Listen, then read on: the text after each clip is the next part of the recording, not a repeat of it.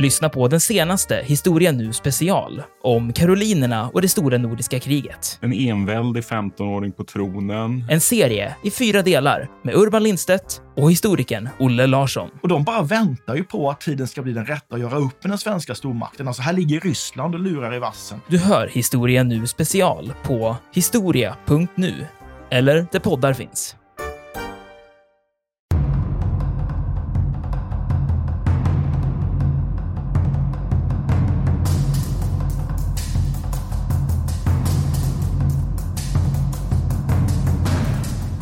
Men så småningom så bestämmer sig ledningen för att något av, no av något skäl, och de skälen måste ha varit att man uppfattar att det är utsiktslöst att försvara fästningen. Och varför får man den uppfattningen? Dels kan det handla om att Kronstedt helt enkelt inte tror på, på helheten, på det stora, nämligen på att Sverige kan försvara Finland, kan vinna det här finska kriget. Han tror inte på regimen i Stockholm. Man kanske till och med har personliga skäl han är missnöjd med att han har blivit kondant på, den här, på Sveaborg.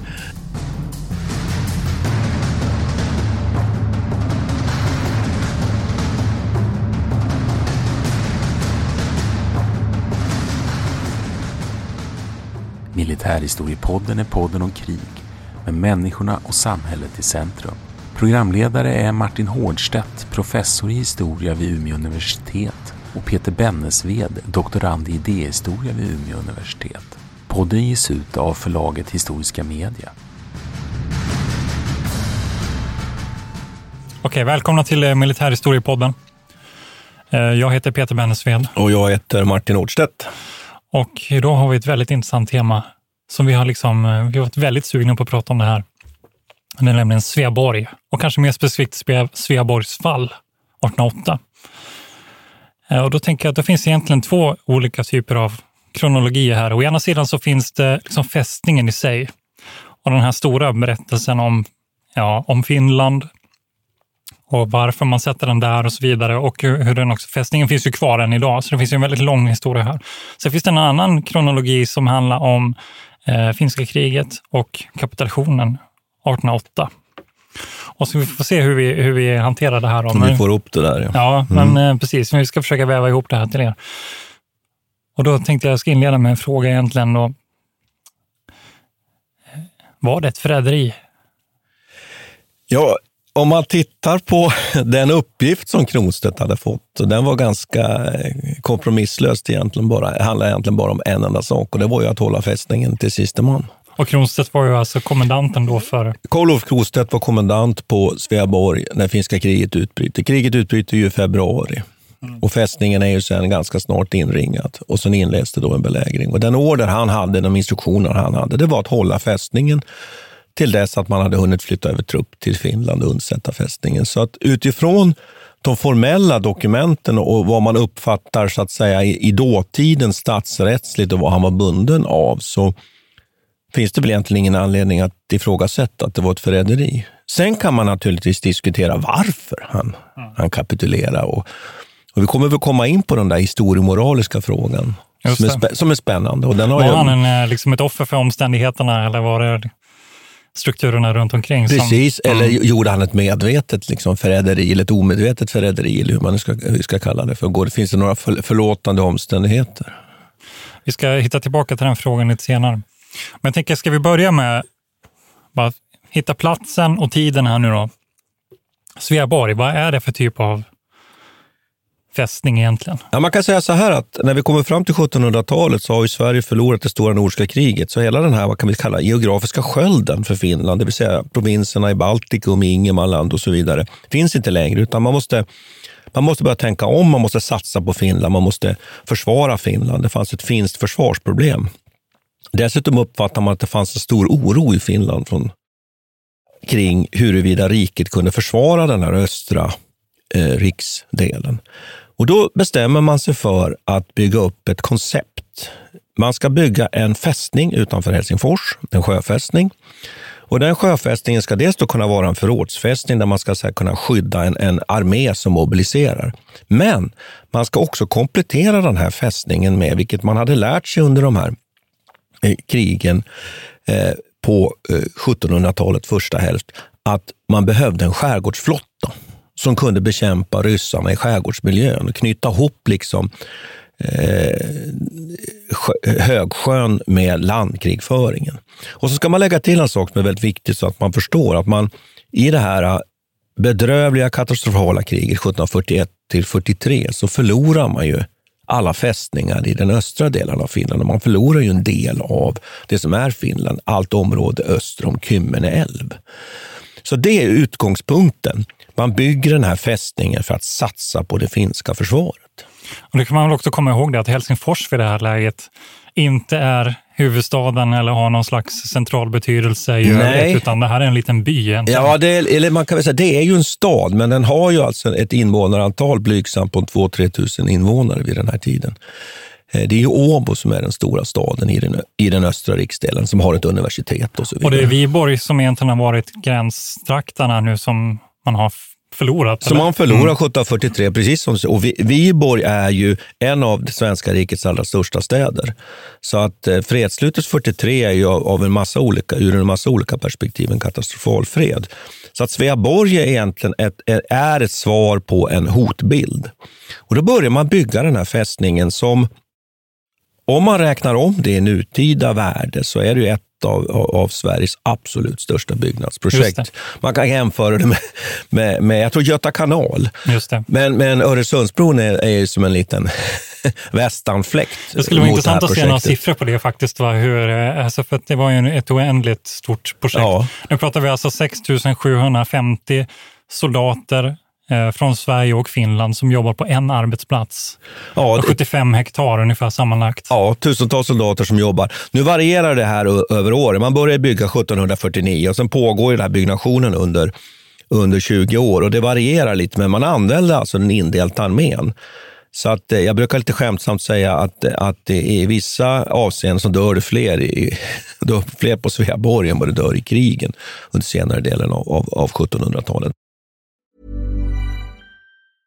Quality sleep is essential. That's why the Sleep Number Smart Bed is designed for your ever evolving sleep needs. Need a bed that's firmer or softer on either side? Helps you sleep at a comfortable temperature? Sleep Number Smart Beds let you individualize your comfort so you sleep better together. JD Power ranks Sleep Number number 1 in customer satisfaction with mattresses purchased in-store. And now, save 50% on the Sleep Number limited edition Smart Bed for a limited time. For JD Power 2023 award information, visit jdpower.com/awards. Only at a Sleep Number store or sleepnumber.com.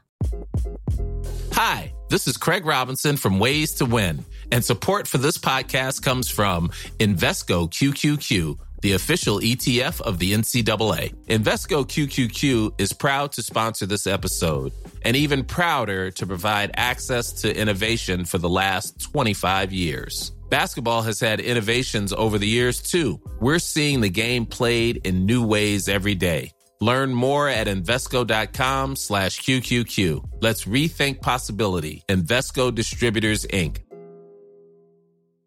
Jewelry isn't a gift you give just once. It's a way to remind your loved one of a beautiful moment every time they see it. Blue Nile can help you find the gift that says how you feel and says it beautifully with expert guidance and a wide assortment of jewelry of the highest quality at the best price. Go to BlueNile.com and experience the convenience of shopping Blue Nile, the original online jeweler since 1999. That's BlueNile.com to find the perfect jewelry gift for any occasion. BlueNile.com. Man bygger upp den här fästningen. En fästning som är väldigt speciell och väldigt intressant. Den Eh, fortifikatoriskt är den väldigt spännande och jag skulle ju ge rådet till alla som lyssnar på det här att ta sig över till Helsingfors och till Sveaborg. För tar man den så klassiska Finlandsbåten som det heter så passerar man utanför fästningen och ser fästningen om man går ut på däck. Och det är en väldigt speciell eh, ett väldigt speciellt byggnadsverk från den här tiden. Idag ju faktiskt skyddat av Unesco och så vidare. Får jag uppehålla oss eh, lite vid eh, Edensvärd här då? Ja, Grund, alltså, alltså är... Edensvärd är ju grundaren, den ja, som får ansvar för att driva Sveaborgsprojektet. Edensvärdarna återkommer vi säkert till framöver också. Det är ett spännande släkte. Ja. Men här är ju också en, en intressant person i det att han är egentligen artilleriofficer, va? skolad i Europa ja. och har egentligen inte någon fortifikatorisk bakgrund så. Och dessutom tycker jag att det är spännande med det här projektet, är att det inte är en del av Fortifikationsverket. Alltså, Nej, nej. Utan det här är ett helt fristående projekt. Det är ett fristående projekt och han jobbar tillsammans. Ehrensvärd bildar radarpar med en annan intressant figur i svensk marinhistoria eller militärhistoria. Nej, af Chapman. Av Chapman. Af Chapman, ja. Och af Chapman var ju e-, egentligen skeppsritare och armé, armé, eh, marinarkitekt. Och af Chapman skapade en massa specialfartyg till den här skärgårdsflottan. Och tillsammans med Ehrensvärd så skapar de en ny doktrin kan man säga för Finlands försvar. Och som jag var inne på här tidigare, just att skapa ett, ett slagkraftigt vapenslag som kan slåss i skärgårdsmiljön. Så samtidigt som Sveaborg byggs upp som en väldigt speciell nydanande konstruktion av fästning så skapar man också en skärgårdsflotta. Och jag brukar lite svängigt säga så här att skärgårdsflottan vid den här tiden, det var dåtidens JAS-projekt. Det var högt teknologiskt Eh, eh, och det, eh, högteknologiskt. Eh, den som ville bli någonting inom eh, Försvarsmakten, krigsmakten, den sökte sig till arméns flotta som den sen kom att eh, kallas för och gjorde karriär. Så att det här var så att säga det bästa som vi vid den här tiden kunde, kunde utveckla i, i Sverige. Och det var alltså skräddarsytt för Finska viken egentligen. Det var skräddarsytt för Finska viken, eller framför allt egentligen för skärgårdsleden. För det hade man förstått under de här krigen. Och det skulle, att skärgården, skärgårdsleden hade man förstått under stora nordiska krig, kriget. Det var ju den vägen som Peter den store hade eh, tagit sig förbi Hangöudd och kunnat underhålla armén uppe i Österbotten, sjövägen. Och då insåg man att skärgården måste vi behärska för att kunna både försvara Stockholm och försvara Finland. Okej, spännande utvikning här nu då. Ja. Alltså Peter den stores galärflotta då som han bygger upp. Eh, Är den, det är eh, af Chapmans skärgårdsflotta, ska den svara då mot de här Af Chapmans skärgårdsflotta är tilltänkt att kunna matcha och slå ut och helt enkelt förinta den ryska skärgårdsflottan i händelse av ett krig. Och här har vi en intressant fråga, nämligen hur ska man uppfatta Sveaborg? I Sveaborg uppfattar man det som ett försvarsprojekt. Hur uppfattar man det i Ryssland? Uppfattar man det i Ryssland som en pistol riktad mot Sankt Petersburg, som ju hade grundats 1703? Eh, en språngbräda för svenska anfall. Och här kan man väl konstatera att vi vet ju att fästningen sen så småningom anfall, används ju i samband med Gustav IIIs ryska krig 1788 faktiskt just som en språngbräda. Så att det, det kan man ju diskutera i det oändliga. Men den utvecklas ursprungligen som en försvars och förrådsfästning. Och man kan väl tillägga det att, att vi ska väl kanske inte fördjupa oss i det, men det, det är intressant. Alltså det är en, det är en vobansk bastionfästning, men samtidigt också har den inslag av eh, Dahlbergs, de här kanontornen, alltså kaponjärerna. Torn som man späckade med artilleri, som egentligen är ett, ett, ett, liksom ett, en vidare utveckling av den vaubanska bastionsfästningen. Den vaubanska bastionsfästningen den var måste ju låg. vad, vad en Ja, Vauban är ju... Är ju Ja, men det här är alltså en, det är ju en befästningsdetalj. det När man- är, ja, precis. Ba- Bastionsfästning är helt enkelt att man bygger en fästning som är låg och som kan stå emot artillerield, som har skyddade ställningar för artilleri och där varje, varje enskild del av fästningen kan skydda varandra genom eldgivning. Det, det är ju Vaubons fästningssystem och det, det utvecklas ju i hela Europa. Men då kompletterar man det med sådana här torn där man då ställer artilleri. Och där handlar det inte om att man, att man tar skydd genom att bygga låga vallar som kan ta emot artillerielden, utan där handlar det om att man med eldgivning, ett offensivt uppträdande, ska kunna behärska omgivningen. Så Sveaborg har båda de här ingredienserna, plus att man inte har några utanverk som det heter, utan där lät man helt enkelt havet vara utanverken. Och då borde du fråga nu, så här, ja men om det, om det fryser, om det fryser, Ja, och där har vi ju ett problem. Normalt sett, så skulle man då problem. ha, normalt sett skulle man då ha ett utanverk och så skulle man ha redutter utspridda enligt vaubansk princip. Och sen en bastionsfästning. Redutter är ju alltså eh, eh, eh, små, kan man säga, befästnings, små fästningar som kan skyddas, Kvadratiska. Från, kvadratiska som kan skyddas från allt. Och sen har man då den här stora Så bastionfästningen. det är jätteintressant här då. Då bygger man alltså en jättefästning eh, som egentligen inte går att försvara på vintern. Ja. från, från land, eller hur man säger. Ja, man kan om- säga så här att den är framförallt är tänkt att framförallt vara en, en, en, en sommar och sjöfästning. Sen kan man ju säga den att, att anfalla den här fästningen från sjösidan över isen är ju ett, ett självmordsuppdrag. Och det kommer ju, kommer ju också striderna 1808 att visa att man gör ju aldrig något försök att storma fästningen. För det inser man att det kommer man inte kunna göra. Stalin-eran är inte här än riktigt. Nej, den är inte här. Nej, men att göra en sån stormning över isen skulle ju ha varit, eh, varit dödfödd. Därför att det är så lätt att bestryka hela då området utanför fästningen med artilleriet. Då. Den här fästningen är ju 1808 bestyckad med 750 kanoner. Det här är en jättefästning. Eh, det är ju en av Europas stora, stora fästningar vid den här tiden. Det, var en, det är ju en äh, engelsman som kommer till en engelsman kommer till eh, Sveaborg 1800. Han heter Edward Clark. Eh, och han eh, har ju gett en liten skildring av hur det såg ut här på den här tiden.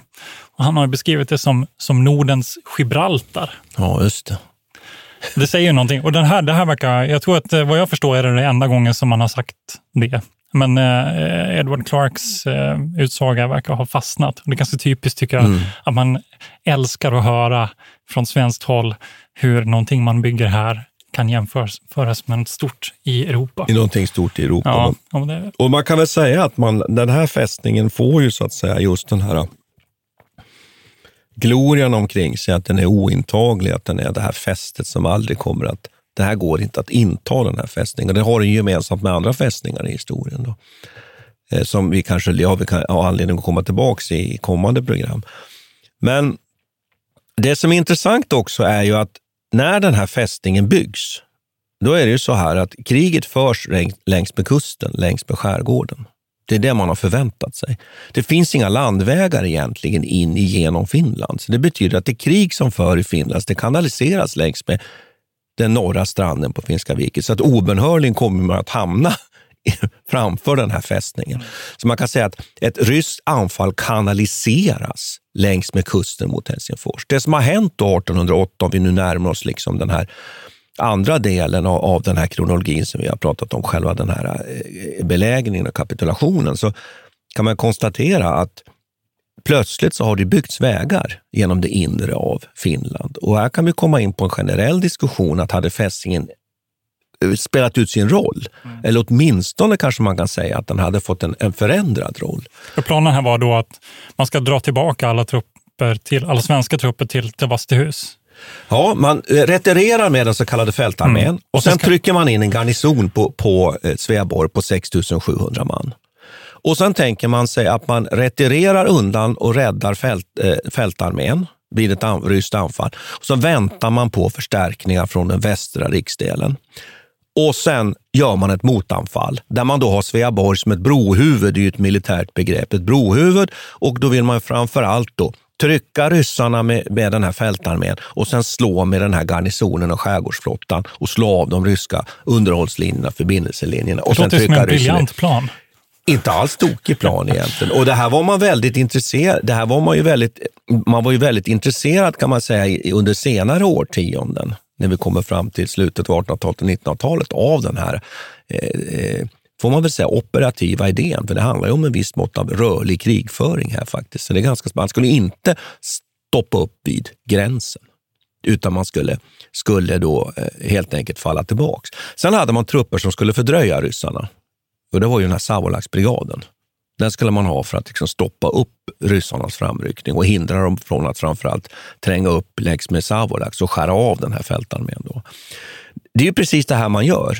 När finska kriget utbryter i februari 1808 så gör man precis det här. Eh, och den svenska armén inled, börjar ju faktiskt att inleda en motoffensiv i april och är på väg faktiskt mot Vasa. Eh, när man får veta att fästningen på Sveaborg har kapitulerat i maj. Men innan vi, innan vi går in på de detaljerna som är väldigt spännande. Hur är tillståndet egentligen till Sveaborg vid det här laget? Alltså nu har man, då har man eh, byggt här sedan 1748. 9, 48, 49. Ja. ja. Då har man eh, hållit på att bygga på det här. Och det är eh, olika personer som har varit som ledande för, för byggnadsarbetena. Är det klart Fästningen är, är funktionsduglig. Absolut. Den är, den är, man har planer på att bygga ut försvaret runt Helsingfors och så vidare, men själva fästningen är, är klart kapabel att, att skydda sig militärt. Man kan väl skjuta in en liten brasklapp att det finns en, en svaghet som man har pekat på sen och det är att det finns ett, ett, ett område då, söder om fästningen, ett, ett, ö, ett öområde som heter Ska, Skanslandet. Det har man inte befäst. Och från Skansland så kan man skjuta ganska obehindrat in i fästningen. Men det behöver inte vara livsfarligt för fästningen, men det är en svaghet. Det är också en svaghet att man inte, när man besätter fästningen, att man inte bränner ner Helsingfors. Därför att där låter man egentligen ryssarna bo ganska obehindrat och fredat inne i Helsingfors. Varför gör de det? Det är ju en stor fråga som man inte riktigt förstår. Varför nu, gör man nu, ingenting åt Helsingfors? Nu, nu börjar, så att här börjar, ja. red, redan från början börjar egentligen nu den här problematiken. Men vad är det i Kronstedts ledarskap och agerande som är problemet? Alltså det, det som borde ha varit naturligt hade ju varit att man hade bränt ner Helsingfors sett till att människor kom undan. Utan istället säger man så här, här kan ni bo och dessutom lovar vi att inte skjuta på Helsingfors. Mm. För att skada de civila. Det låter helt bisarrt. Och, och vid det här laget har man, då har man, kan man också tillägga då att Kronstedt har ju sin familj där och många officerarna har fortfarande kvar sina familjer inne i Sveaborg när ryssarna kommer dit. Eller hur? De, är alltså, de har inte lyckats i tid evakuera den civila befolkningen, varken från Helsingfors eller från Sveaborg självt. Nej, utan här finns en massa civila. Det här har man också diskuterat, att de här så kallade officersfruarna då påverkar officerarna ute på Sveaborg. Men om man ska ha bilden klart för sig här, så är alltså fästningen är alltså innesluten i mars 1808. Och sen pågår ju nu det här kattrakandet, om man får uttrycka det så, då, mellan Kronstedt och den som är chef för den här eh, eh, eh belägring på rysk sida, när Paul von Suchtelen. Paul von Suchtelen. Och då börjar ju de här förhandlingarna, de första mötena mellan Paul von Suchtelen och Kronstedt, de börjar ju i slutet av mars. När det blev bestämt den 23 mars så börjar man att förhandla. Och här har vi nu nästa punkt. Mm. Varför lämnar man fästningen, vilket Kronstedt så småningom gör, och träffar då en person utanför fästningen och börjar förhandla. Det är någon, någon slags militär regel då, som jag inte känner till. Då. Men man, kommendanten får inte lämna fästningen? Nej, man lämnar inte fästningen av många olika skäl. Mm. Eh, ryssarna väljer väldigt från början att använda en oerhört, eh, får man väl säga, genomtänkt, av, välavvägd strategi. Ryssarna är inte fler än garnisonen. Och Det finns en sån här grundregel att ska man storma och ta en fästning, eller egentligen om man ska genomföra ett anfall, så brukar man säga att man ska åtminstone vara tre mot ett. Men det är man inte, utan här är man ett mot ett. Så man har alltså en belägringsstyrka som är lika stor. Man har inte mer än 50-60 kanoner och man har inte ett artilleri som är tillräckligt tungt för att skjuta sönder fästningen. Utan det man gör nu är att man placerar ut batterier runt fästningen och så stressar man fästningen. Man skjuter i omgångar. Under flera dygn ligger man på och skjuter och stressar fästningen. Och Kronstedt blir, och ledningen, vi ska inte bara skylla på Kronstedt, blir stressad man svarar med lite för mycket, skjuter bort lite för mycket ammunition och dessutom låter man trupperna onödigt länge stå i vapen. Tröttar ut eh, helt enkelt garnisonen. Och här kan man ju då fråga sig, nu blir det ju väldigt mycket att vi, vi tar oss liksom rollen här som någon sorts mm, militärer, lite kontrafaktiska, men det, det, har vi väl rätten, är lite rätten att göra. Att här kunde man ha laborerat med att varför gör man inte till exempel utfall från fästningen? Varför visar inte Kronstedt att jag, jag vill försvara den här fästningen och visa ryssarna att göra det också. Håller och garnisonen aktiv och så Och varför skjuter man inte på Helsingfors där ryssarna verkligen är? Ja. ja. Eh, och sen, sen kan man också säga så här att jag har tittat faktiskt själv på, på räkenskaper eller provianträkenskaper. Det finns alltså gott om proviant på Sveaborg. Det är inte så att man hamnar i något läge där man inte har vatten och mat. Men så småningom så bestämmer sig ledningen för att något av, no av något skäl. Och de skälen måste ha varit att man uppfattar att det är utsiktslöst att försvara fästningen. Och varför får man den uppfattningen? Dels kan det handla om att Kronstedt helt enkelt inte tror på, på helheten, på det stora, nämligen på att Sverige kan försvara Finland, kan vinna det här finska kriget. Han tror inte på regimen i Stockholm. Han kanske till och med har personliga skäl. Han är missnöjd med att han har blivit kondant på, den här, på Sveaborg. Jag menar, där har vi en aspekt Kronstedt vill inte ens vara där till första början. Så kan det mycket väl ha varit. Mm. Han var ju officer. Nu ska vi komma ihåg en mycket intressant sak med Kronstedt. Att Kronstedt är det man brukar säga både förrädaren, men också hjälten. Ja, han är hjälten i Svensk Sund. Han är hjälten, vid, eller han är hjälte faktiskt vid Viborgska gatloppet. Just att den svenska Okej. armén, nu, nu, nu blir det kanske många saker att hålla rätt på här, men i det föregående kriget under Gustav IIIs ryska krig så är det ju så att den svenska flottan vid, vid ett tillfälle blir instängd i Viborg och gör en utbrytning, det så kallade Viborgska gatloppet. Och Kronstedt är ju en av de officerarna som leder den utbrytningen. Och sen som du säger, han är, en, han är kanske den enda, eller en av få officerare som stödjer Gustav IIIs beslut att stå kvar vid Svensk sund och den 9 till 10 juli möta den ryska skärgårdsflottan. Det som ju sen faktiskt blir en total svensk seger. Och det är det Vi sopar ju bort den ryska Det här är skärgårdsflottan. andra slaget i Svensk Sund. Det, det är 1790. Mm. Och det är ju det som räddar egentligen hela Gustav IIIs ryska krig. Men vi får väl återkomma till det kriget. Men det är viktigt att Kronstedt är både hjälten och förrädaren en och samma person. Och han kan ha uppfattat det här som en förvisning att bli kommendant på Sveaborg. Men nu är vi inne på saker. Man har också diskuterat huruvida han får en ekonomisk eh, tjä- tjänar ekonomiskt på det här förräderiet. Det, och det finns ingen mig veterligen som har kunnat bevisa att det är på det sättet. Det enda förklaringen är att Kronstedt inte tror på kriget. Och han tror inte heller på möjligheten att försvara fästningen. Han tycker att det är meningslöst. Eh, jag har svårt att tro att han, att han på något sätt skulle vilja spara sina soldater. Så tror inte jag egentligen att en officer tänker vid den här, vid den här tiden. Dessutom är han ju under påverkan. De här mötena med Suchte eller med de ryska officerarna under förhandlingarna då får han till exempel eh, information om läget ute i Europa. Det sprids falska tidningar och sådana saker. Och sen fattar han ju det här ödesdigra beslutet. Att skriva på ett avtal, eller hur? Och detta Peter? sker den 6 april. 6 april. Och vad är det som man säger där då? Ja, man säger, säger så här att, att om inte ett antal svenska linjeskepp har kunnat siktas utanför fästningen så ska man ge upp fästningen ett visst datum i början på maj. Och det är ju absurt, därför sällan den i början på maj, så har ju isen gått upp ens. Dessutom lämnar man ifrån sig delar av fästningen som Borgen. besätts av ryssar som pant. Och bara det är ju det första steget i det här förräderiet. Here's a cool fact a crocodile can't stick out its tongue. Another cool fact you can get short term health insurance for a month or just under a year in some states. United Healthcare short term insurance plans are designed for people who are between jobs, coming off their parents' plan, or turning a side hustle into a full time gig.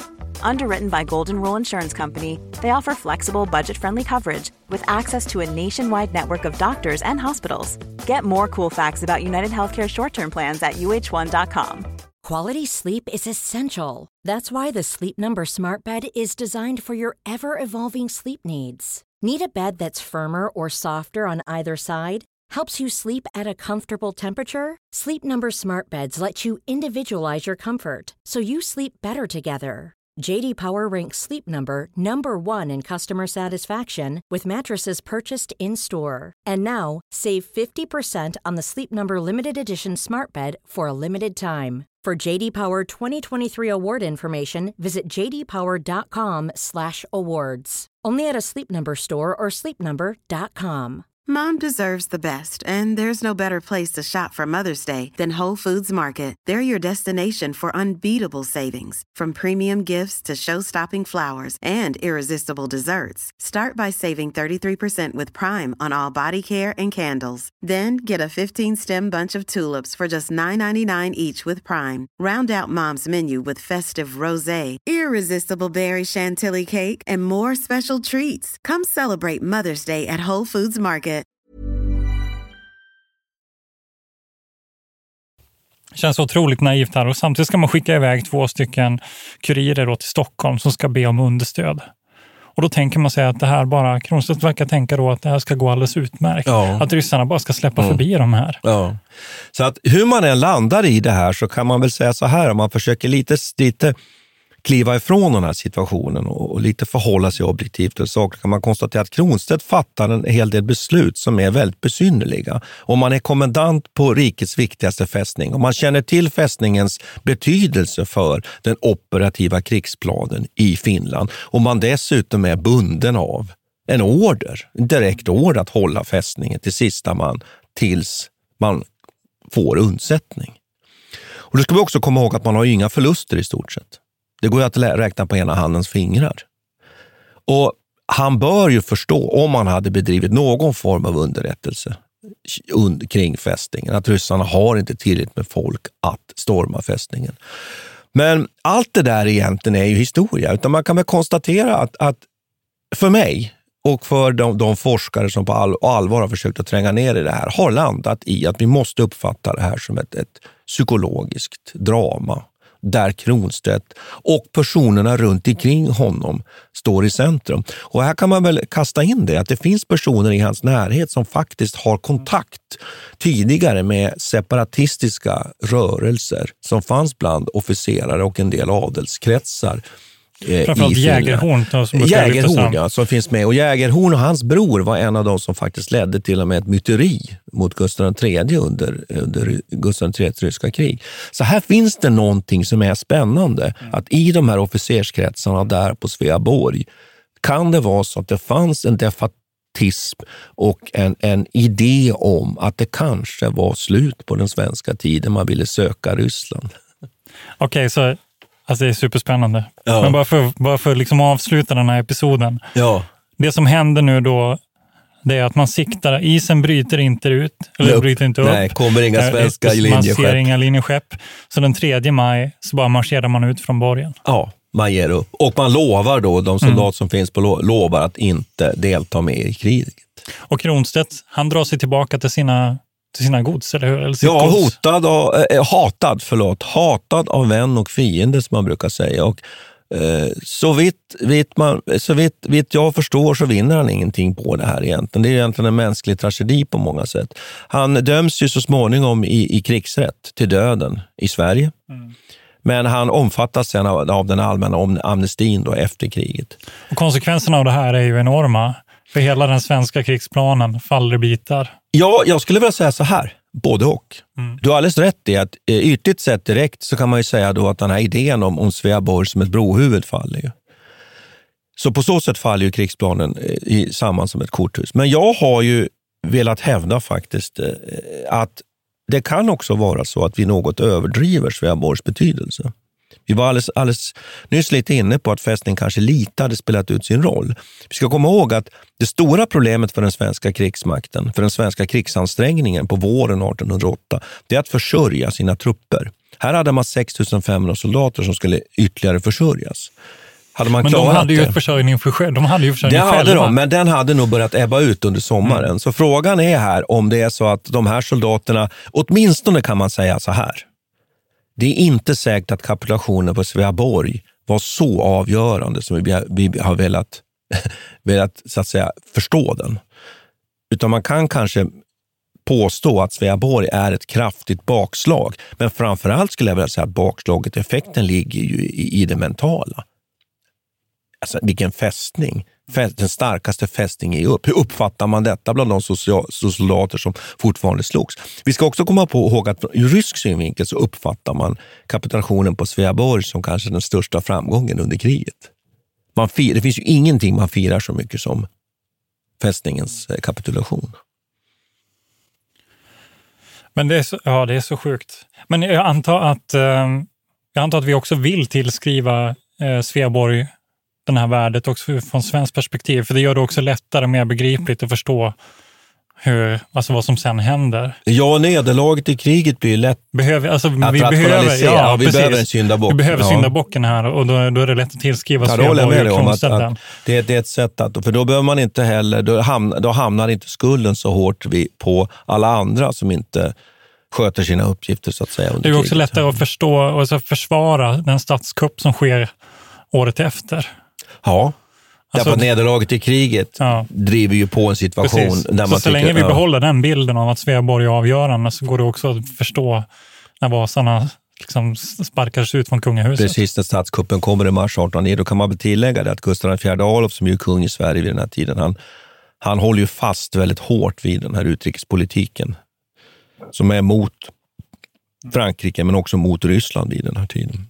Och det är det som gör sen att man menar att eh, vi kan inte ha en kung som för en utrikespolitik som driver riket i fördärvet och därför så, så begår man en statskupp i mars 1809. Men det, är väl en annan historia i det här sammanhanget. Men det, det, jag håller med dig absolut att, att Sveaborg kan ha haft den effekten. Den har effekt på kriget, den har, har en effekt på det, att en till, vad ska man säga, en uppbyggnad, en ökning av defatismen på den svenska sidan. Det... Sen är ju då frågan då om det var defaitismen redan var var där på plats redan innan, kanske redan personifierad i Kronstedt, i Kronstedt också när han hamnade I, där. I Kronstedts velighet och eh, handlingsförlamning. Kanske var det så att alla soldaterna som satt där på Sveaborg egentligen inte ville slåss för kungen. Kan man... Ja, det finns en del forskning som mm. visar att det faktiskt, nu är det väldigt svårt att komma åt det här mm. Eh, strikt källmässigt, men det finns indicier på att man var mycket, mycket eh, missnöjd med Kronstedt. Och till och med att man planerat att, att, att göra myteri. Faktiskt underbelägen och ta helt enkelt över och försvara fästningen. De sitter, det är ju en ganska lång period också, alltså från eh, vad blir det nu, 6 april till 3 maj. En månad där, ja. där egentligen inte händer någonting. Ingenting. Ingen, man skjuter ingenting nej, på varandra, nej, utan det är nej. bara stiltje. Liksom. Ja. Jag kan tänka mig att eh, stämningen där måste ju förändras ganska mycket. Ja, det måste alltså... ha varit dålig stämning, som vi säger idag. så kan man säga. Eh, jag, jag måste säga att jag, jag, besöker, jag har ju anledning att besöka Sveaborg väldigt mycket, eftersom jag ju eh, vistas mycket i Finland. Och fortfarande är det så att när jag kommer till Sveaborg så fylls jag alltid av någon sorts melankoli faktiskt. Alltså jag tycker det är så men, just det här, det meningslösa, denna, denna enorma fästning, så bortkastat. Så man behöver ju inte vara man behöver inte vara militär eller tänka i sådana termer, men man måste ju på något sätt förstå hur oerhört meningslöst det var att ge upp denna enorma fästning. Jag menar att vid 1750-talet cirka 300 000 tegelbrickor per år. Ja. Går rakt in i det här. Går rakt in i det där. Ja. Franska som... subsidier, kanske största ja. byggnadsverket i svensk historia. Och det, det ger han bara upp. Och det är inte bara, det är inte bara materiell, alltså de materiella faktorerna, det är också människor dör, som du sa innan. Ja. Människor dör för att bygga upp det här. Men man undrar ju då, om man ska se det ur det perspektivet, var det ens ett meningsfullt uppdrag från första början? Är det, liksom, är de alltid, men det är samma med Göta kanal. Man bygger upp den här enorma infrastrukturen som, som är aktuell i kanske 20 år. Och sen så ja. kommer någonting nytt. Liksom. Ja, och nu är vi ju inne på något som är jättespännande. Vi, vi, vi pratar ju lite om bastionfästning och lite olika saker. Det är klart att går vi, klav, eh, tra, travar vi på nu genom 1800-talet här och kommer fram till exempel till Krimkriget och så vidare, då ser vi att teknikutvecklingen kommer ju ganska snabbt. Ganska snart blir den här typen av fästningar obsoleta. Och det här, det här fortsätter ju hela tiden, den här, den här vad ska vi säga, dragkrampen och konkurrensen mellan skydd och verkan. Mm. Eh, det är precis likadant om jag tar ett annat exempel, de här belgiska gränsforten som ju tyskarna med hjälp av österrikiska kanoner skjuter sönder på, på några timmar i, i första världskrigets inledning till exempel. De är också obsoleta. Va? Eh, och sen tycker jag en annan sak, som är, det är ju dels, dels det här med tekniken och hur den driver på så småningom de här fästningarnas utveckling. Men det är ju så, det, är ju så jag menar, det vet vi båda två, att så sent som under andra världskriget, Maginotlinjen, så har man fortfarande en tro på den här mm. typen av fästningar. Sverige har vi ju motsvarande. Vi bygger en spärrfästning, Boden. Så det här med fästningar i, i relation till militärdoktriner, militär operation, operativt tänkande och till och med taktik är ju jättespännande. Det tror jag vi har all anledning, anledning att komma tillbaka till. För det är en jättespännande fråga. Men i, i fallet med Sveaborg här då, faller det här tillbaka till på, eh, på Ehrensvärd egentligen som byggde upp det här? Var han liksom för naiv och för konservativ i sitt sätt att bygga fästningar kanske, när han liksom la grundstenen för, för Sveaborg? Ja, det vet jag inte om jag vill säga. Det, han var ju artilleriofficer jag ja. tänker att det måste finnas... Eh, liksom, eftersom den gjorde så självständigt också. Alltså att han hade egentligen hela ansvaret och det fanns egentligen inga, alltså inga större skisser, planer, utan allting liksom gjordes allt eftersom. Men ett försvar kan man ju tala om och det var ju som vi var inne på, att det var ett koncept. Och egentligen kan man ju se Sveaborg egentligen bara som en skyddad hamn för skärgårdsflottan. Och då blir den ju i efterhand. Vi ska komma ihåg att nu sitter vi med facit i hand här. Det är ju brutalt, alltid så. Vi sitter ju och bedömer i efterhand. Men då kan man väl se fäst, då skulle man kunna se fästningen som en del i en, en, en rörligare krigföringsidé. en lösning på hela det finska försvarsproblemet. Man ska understödja en landarmé som fördröjer och slår en fiende som kommer längs med så att säga Finska vikens kust och man också har en högsjöflotta där ju skärgårdsflottan binder samman då den här högsjöflottan med den här landarmén. Och då blir det begripligt. Man har en förrådsfästning som kan skydda den här flottan. För det ska vi komma ihåg här också, som vi, eh, att när Sveaborg kapitulerar, så med den kommer ju en mycket stor del av den svenska skärgårdsflottan som ju ryssarna kan ta över och använda. Men en mängd specialfartyg som blir oerhört nyttig för, för den ryska krigföringen. Hey, it's Paige DeSorbo from Giggly Squad. High quality fashion without the price tag. Say hello to Quince. I'm snagging high-end essentials like cozy cashmere sweaters, sleek leather jackets, fine jewelry, and so much more. With Quince being 50 to 80% less than similar brands. And they partner with factories that prioritize safe, ethical, and responsible manufacturing. I love that. Luxury quality within reach. Go to quince.com slash style to get free shipping and 365 day returns on your next order. Quince.com slash style. Mom deserves the best, and there's no better place to shop for Mother's Day than Whole Foods Market. They're your destination for unbeatable savings, from premium gifts to show-stopping flowers and irresistible desserts. Start by saving 33% with Prime on all body care and candles. Then get a 15-stem bunch of tulips for just $9.99 each with Prime. Round out Mom's menu with festive rosé, irresistible berry chantilly cake, and more special treats. Come celebrate Mother's Day at Whole Foods Market. Planning for your next trip? Elevate your travel style with Quince. Quince has all the jet setting essentials you'll want for your next getaway, like European linen, premium luggage options, buttery soft Italian leather bags, and so much more. And is all priced at 50 to 80% less than similar brands. Plus, Quince only works with factories that use safe and ethical manufacturing practices. Pack your bags with high-quality essentials you'll be wearing for vacations to come with Quince. Go to quince.com/pack for free shipping and 365-day returns. Alltså jag tänker, jag, jag eh, har ju studerat mest eh, 1900-talet. Och någonting som har fascinerat mig väldigt mycket det är ju de, eh, liksom befästningskonsten under 1900-talet. Och där finns det ju gott om helt vansinniga stora projekt. Ja, vi nämnde ju Maginot-linjen här Ja. till exempel. Och även för svensk del. Man, är, man Ja. har ju den här idén om att man i princip ska gräva ner hela det svenska försvaret under jorden liksom, Ja. under 1900-talet. Ja. Och så man funderar på, är det någon slags, eh, är det någon slags ehm, hybris, någon slags eh, konstruktionshybris som den svenska försvarsmakten har liksom, lever med fortfarande. När man tänker att man bara kan bygga upp de här vansinniga eh, konstruktionerna och då liksom värja sig från blodspillan Mm. genom att bara ha dem. För det finns ju ett slags igelkottstänkande här. Även Mm. om ryssarna då eh, föreställde sig att det här den kunde ha offensiva funktioner, Sveaborg. Mm. Men det var ju inte Nej, men det var ju vi- som, en- det var ju som Ja. en förrådsfästning så att säga. Ja. Det finns ett igelkottstänkande i den här Mm. Sveaborg som också återkommer i, i liksom svenskt tänkande, så strategiskt Ja. tänkande, gärna fram till Eh, idag. Ja, jag tycker att det är intressant att det kan finnas en koppling mellan, mellan Sveaborg, det tänket och, och Hemsö fästning, Bodens fästning. Det är ju inte någonting som är unikt bara för Sverige, men, men det är ett intressant ett intressant tänkande. Vi har ju ett annat fästningsbygge som- vi har kanske anledning att komma, till, komma tillbaka till sen, att man får ändra sin försvarsdoktrin sen så småningom. Nämligen att man bygger en centralfästning vid Karlsborg. Va? Och det är också en tänk att man ska ha en- slutfästning, att man, där man ska kunna göra ett last stand så att säga. Just det, då ska man dra tillbaka alla sina Ja, stridskrafter in till en kärna. Ja, vi liksom. pratade om att här ja. skulle man så att säga rörligt möta ryssarna relativt tidigt ändå i Finland. Man skulle falla tillbaka och göra en strategisk reträtt, men sen skulle man ju anfalla framåt och man vill ju stoppa ryssarna redan egentligen helst så tidigt som möjligt. Ja, men det är superspännande Martin. Så då tar vi ytterligare ett exempel, Karlsborg då, som också är en sån här fästning. Så ett megalomaniskt projekt Ja, ja. som bara faller isär också. Som är helt tappat som ju egentligen hela tiden var, var föråldrad, som egentligen aldrig kunde fylla sin militära funktion.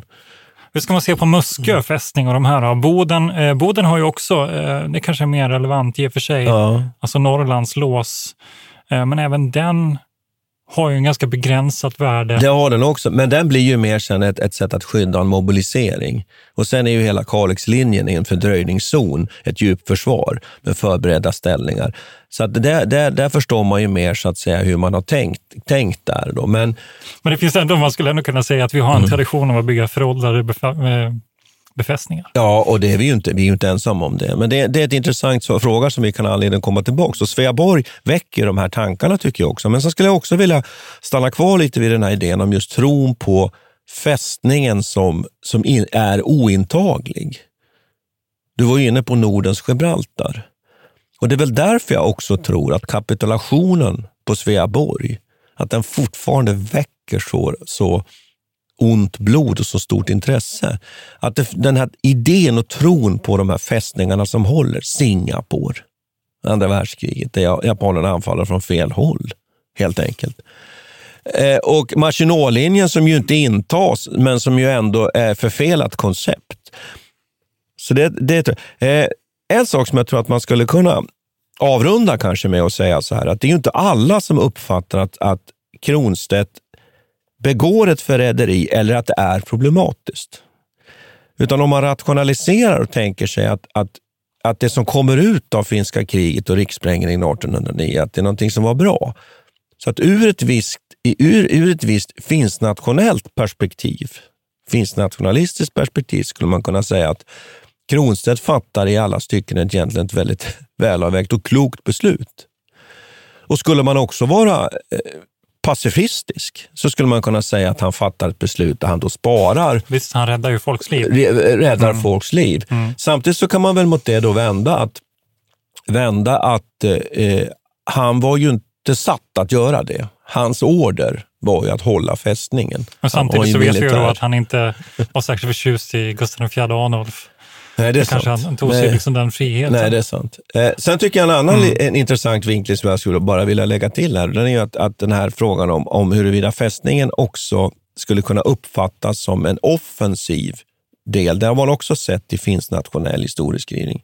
Det här var en språngbräda för ett anfall, vi har varit inne på det, en pistol riktad mot Sankt Petersburg. Och Då brukar jag lite lakoniskt säga, säga så här att, att jag har aldrig sett en fästning anfalla brukar jag säga. Och Jag tror att det ligger någonting i det också. Att, att Det är klart att man kan uppfatta den som en, en bas för ett anfall, men jag tycker att det är en väldigt långsökt poäng. Eh, Sveaborg var en försvarsfästning som hade spelat ut sin roll som hade en, kom en kommendant 1808 som kapitulerade under tvivelaktiga omständigheter. Det är min summering. Det finns ju någonting spännande. Den initiala frågan som jag ställde om förräderiet, den är ju egentligen grundad i en slags eh, om man ska vara kritisk. Den är ju grundad i en slags nationalistisk idé om att det är en förlust att förlora mark också. Mm. Och att det är viktigt att behålla den marken. Men för finsk del behöver det ju inte alls ses. Det är ju starten till deras frigörande också. Ja, men det är väl det som är just den ja. finsk nationella. Så man skulle kunna formulera sig och säga ja. så här. Kronstedt begick förräderi. Mm. Mot den svenska kronan. Mot den svenska kronan och mot den uppgift han hade fått i det läget som rådde då.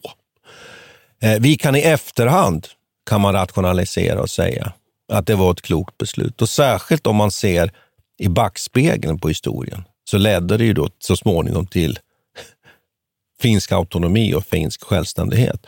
Men det är ju också ett, ett ur, mitt, ur mitt tycke ett felaktigt sätt att se på historien. Mm.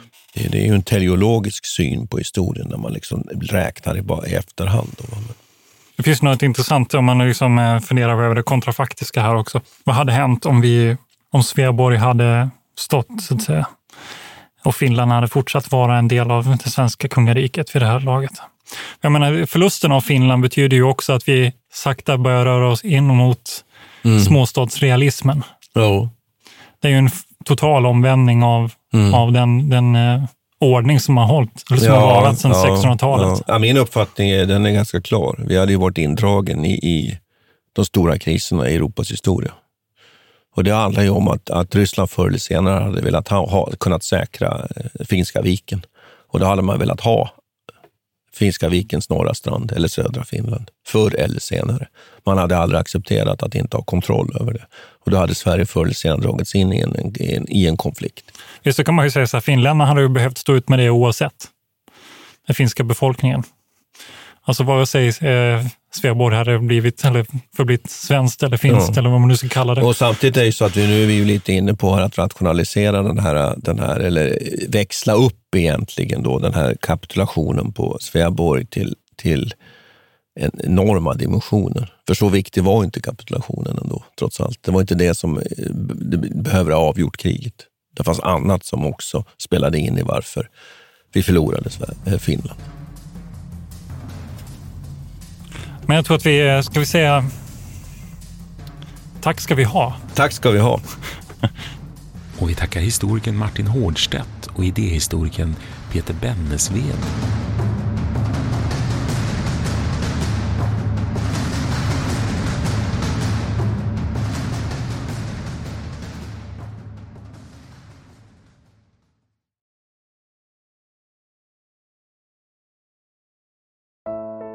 Iran har under 1900-talet genomgått tre omvälvande revolutioner som orienterat landet antingen mot västerlandets modell eller mot en auktoritär styrelseform. Idag pågår en social revolution i landet som vänder sig mot det islamistiska styret och vars anhängare har Europa och väst som förebilder. I en viktig bok ger idéhistorikern Mohammad Faslashemi en djupare förståelse för dagens dramatiska händelseutveckling. Iran mellan tre revolutioner är utgiven av förlaget Historiska Media. Beställ den fysiska boken på förlagets hemsida historiskamedia.se eller köp den i en bokhandel nära dig.